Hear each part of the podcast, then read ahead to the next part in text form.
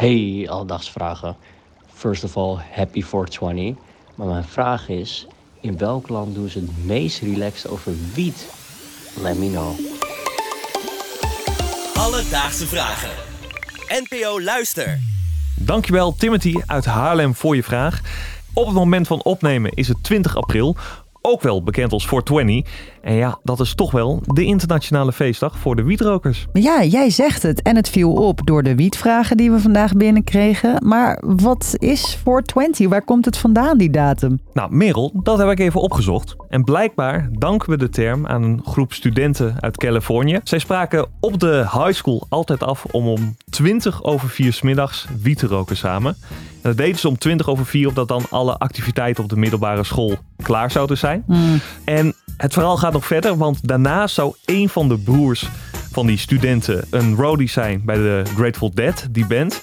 En die hebben de term dus bekendgemaakt. En ooit werd er in de jaren 90 een fly verspreid van fans van die band, eh, waarop mensen werden uitgenodigd om 420 te doen. En dat zag Steve Bloom en hij was een editor van het cannabis magazine The High Life. En sindsdien is 420 eigenlijk synoniem komen te staan aan wietroken. Ik vind het echt serieus zo'n typisch verhaal wat alleen echte smokers kunnen bedenken. Maar het is de waarheid. ja, ik geloof je. Terug naar de vraag van Timothy. En voor een antwoord op zijn vraag belde ik met drugshistoricus Arjan Nuiten van de Universiteit van Amsterdam. En ik vroeg aan hem, ja, wat zijn nu de meest progressieve landen op het gebied van wietbeleid? Ik denk dat het er een paar zijn. Uh, je hebt onder andere Uruguay, dat cannabis heeft gelegaliseerd en waar je het vrij kan uh, verkopen en handelen. En Canada heeft ook, een, uh, heeft ook cannabis gelegaliseerd. Ik denk dat dat de twee landen zijn waar het meest vrij is om te kopen en te, te verkopen ook. En daarnaast heb je in de VS een aantal staten waar het ook mogelijk is om cannabis uh, te kopen en te verkopen. Wat betreft regelgeving loopt Nederland dus achter op uh, landen als Uruguay, Canada en dus zelfs die conservatieve Amerikanen. Ja, precies. Maar dat zijn wel bepaalde staten. En uh, hebben we het dan hier ook gewoon over recreatief wietverkoop? Of hebben we dit aan de soort van medische kant te danken? Allebei, maar het gaat in dit geval uh, ook echt om recreatief drugsgebruik. Dus je kan daar gewoon uh, je jointje halen bij in legale winkels. Maar als het nu daar lekker recreatief kan, kan je er dan ook een beetje centjes aan verdienen in Uruguay of Canada? Ja, nou dat heb ik Arjan gevraagd.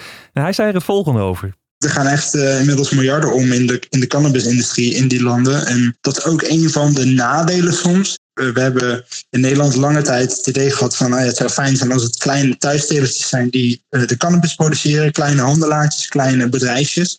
En je ziet nu bijvoorbeeld in landen als Canada dat er ook echt wel grote bedrijven in die, in die, uh, in die wereld stappen. En een soort van uh, een Starbucks of een McDonald's van, van de cannabis worden. Het is natuurlijk logisch dat het dan, als het zodra het legaal is, hè, dat er dan een commercie achter zit. Maar dat dan, je moet wel opnieuw gaan nadenken als je legaliseert over wat betekent dat voor reclameuitingen, wat betekent dat voor hoeveel bedrijven zich hiermee mogen bemoeien. Als er heel veel geld mee uh, gemoeid is, dan worden dat soort belangen wel weer, gaan wel weer een rol spelen. Daar moet je ook weer over gaan nadenken. Ja, de typische vrije markteconomie in kapitalistische landen, toch? Ja, als er ergens geld mee te verdienen valt, dan doen we het. Maar hoe kan het nou dat uh, landen in de VS doen ze het beter, in Canada doen ze het beter, tenminste progressiever. Hoezo is het nou zo moeilijk om dat dan ook in Europa voor elkaar te krijgen qua wetgeving? Ja, dat heb ik aan Arjan gevraagd, want ook best wel actueel haakje daaraan. Duitsland was natuurlijk de afgelopen week in het nieuws omdat ze daar ook wiet wilden legaliseren. Dus ik vroeg aan Arjan, waarom gaat het zo moeizaam in Europa?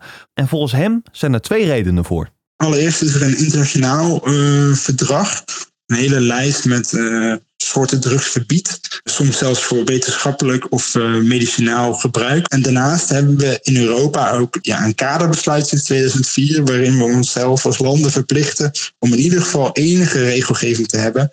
Uh, op het gebied van drugs. Dus dat je drugs toch moet bestrijden. En dan wordt ook weer teruggewezen naar, dat naar die internationale wetgeving... van wat dan die soorten drugs moeten zijn. En daar valt cannabis onder. Ja, en sommige landen doen dat dus op een progressievere manier dan anderen. Precies, want wat het dus is, een lidstaat mag daar zelf invulling in geven. En Duitsland die heeft nu ook een voorstel liggen om dat op hun eigen manier aan te pakken. Ja, en ervan te zeggen, wij gaan het in ieder geval niet zo doen als in Nederland. Precies, want dat was een schoolvoorbeeld hoe het niet moest. Alledaagse vragen. Ik noem het, Aaron, altijd het heel progressief. Dat je nu in eh, allerlei landen gewoon wiet kan kopen alsof het niks is. Uh, maar misschien zit ik er wel helemaal naast en heeft het superveel negatieve impact op criminaliteitscijfers of uh, positief juist toch weer? Ja, nou, dat is het ook. Drugs wordt toch vaak in verband gebracht met criminaliteit. Um, en ik vroeg aan Arjan hoe dat nou zit, want heeft die legalisering van wiet ook effecten op de criminaliteitscijfers? We weten in Canada dus alleen dat daar de criminaliteitscijfers onder de jeugd enorm zijn gedaald.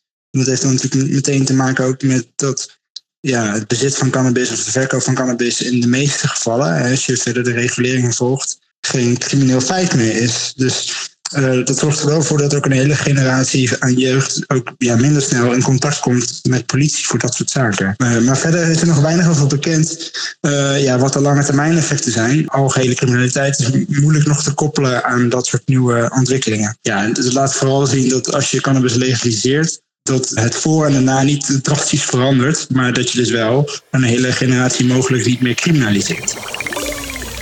Dus Timothy. Vandaag zochten we voor je uit in welke landen ze het meest relaxed doen over wiet. En dat is in Uruguay, Canada en in sommige staten van de VS.